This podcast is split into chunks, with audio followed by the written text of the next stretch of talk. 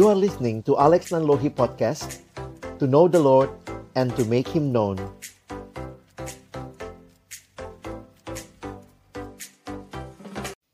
Ketika kita membaca Injil Matius pasal yang kelima ayat 13 sampai dengan ayat yang ke-16 kita melihat bagian yang merupakan khotbah di bukit yang Yesus sampaikan kepada murid-muridnya di hadapan banyak orang.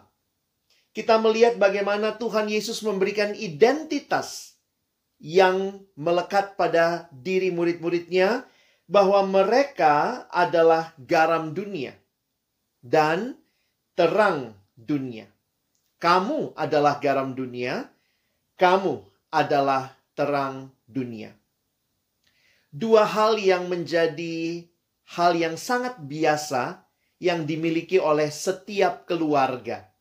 Setiap keluarga pasti punya garam, pasti juga punya terang, punya api untuk memasak. Demikianlah Yesus memberikan kepada murid-muridnya identitas yang harus mereka ingat dalam konteks kehadiran mereka di dalam dunia. Jika kita membaca ayat-ayat ini dengan jelas, kita pun melihat bagaimana kehadiran murid-murid Kristus bukanlah tanpa konteks. Yesus berkata, "Kamu adalah garam dunia."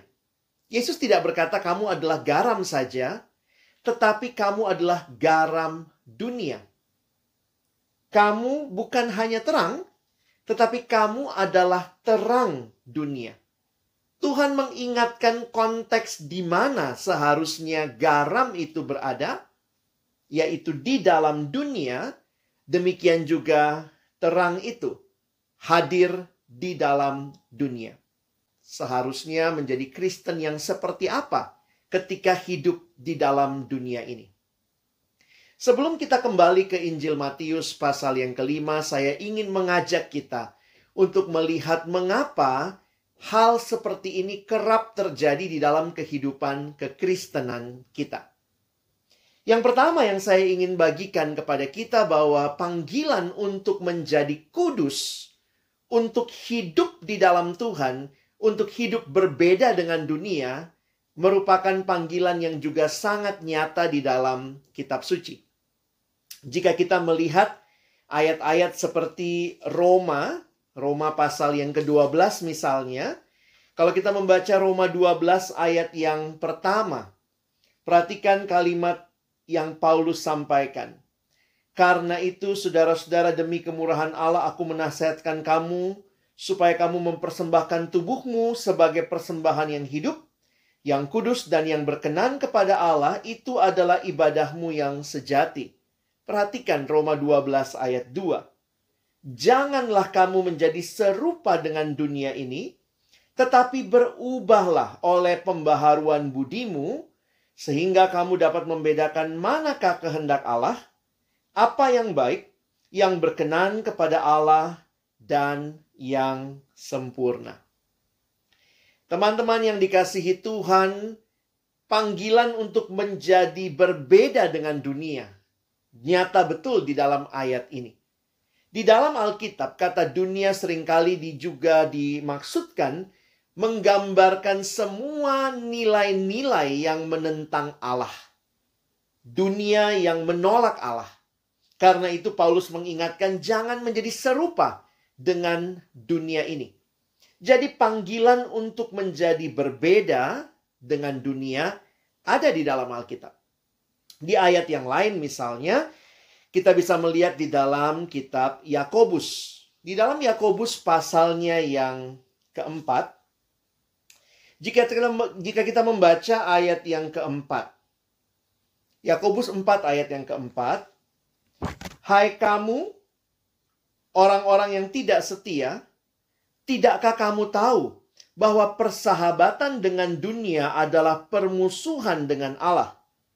Jadi, barang siapa hendak menjadi sahabat dunia ini, ia menjadikan dirinya musuh Allah. Jelas digambarkan persahabatan dengan dunia adalah permusuhan dengan Allah. Ayat-ayat semacam ini ada di sepanjang Alkitab kita untuk menunjukkan bagaimana orang Kristen seharusnya hidup berbeda dengan dunia. Kita bukanlah orang-orang yang harusnya mengikuti nilai-nilai yang ada di dalam dunia ini.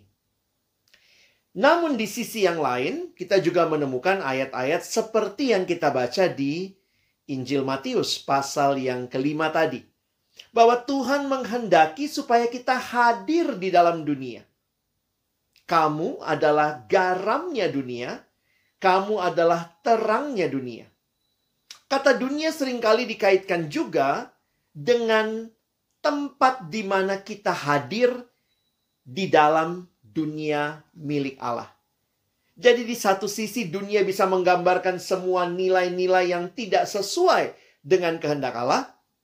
Tapi di sisi lain, Alkitab juga menggunakan kata dunia untuk menggambarkan tempat di mana kita hadir di dalam dunia milik Allah. Di dalam situasi inilah saya pikir kita harus benar-benar melihat panggilan orang Kristen di tengah-tengah dunia. Kita ada di dalam dunia, namun seharusnya kita tidak sama dengan dunia. Prinsip inilah yang disampaikan Tuhan Yesus ketika kita membaca doa yang dia sampaikan kepada Bapaknya di dalam Injil Yohanes pasal yang ke-17. Injil Yohanes pasal yang ke-17 ayat yang ke-15.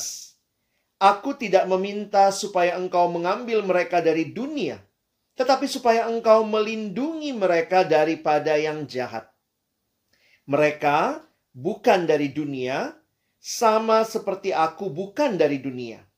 Ayat 17, Kuduskanlah mereka dalam kebenaran, firmanmu adalah kebenaran. Sama seperti engkau telah mengutus aku ke dalam dunia, demikian pula aku telah mengutus mereka ke dalam dunia. Dan aku menguduskan diriku bagi mereka, supaya mereka pun dikuduskan dalam kebenaran prinsip yang Tuhan Yesus berikan untuk mengatasi kedua tension atau ketegangan ini. Jelas sekali Tuhan Yesus mengingatkan bahwa orang Kristen kita ada di dalam dunia. Tetapi kita bukan bagian dari dunia yang berarti bukan mengikuti nilai-nilai yang menentang dan melawan Allah.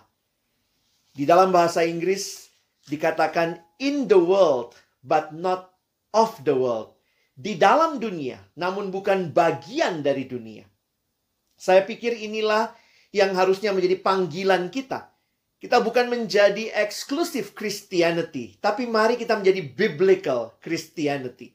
Orang Kristen yang biblikal yang ada di dalam dunia, kita tidak menolak kehadiran kita harus ada di dalam dunia, tetapi juga kita tidak menjadi sama dengan apa yang dunia lakukan dalam nilai-nilai yang menentang Allah.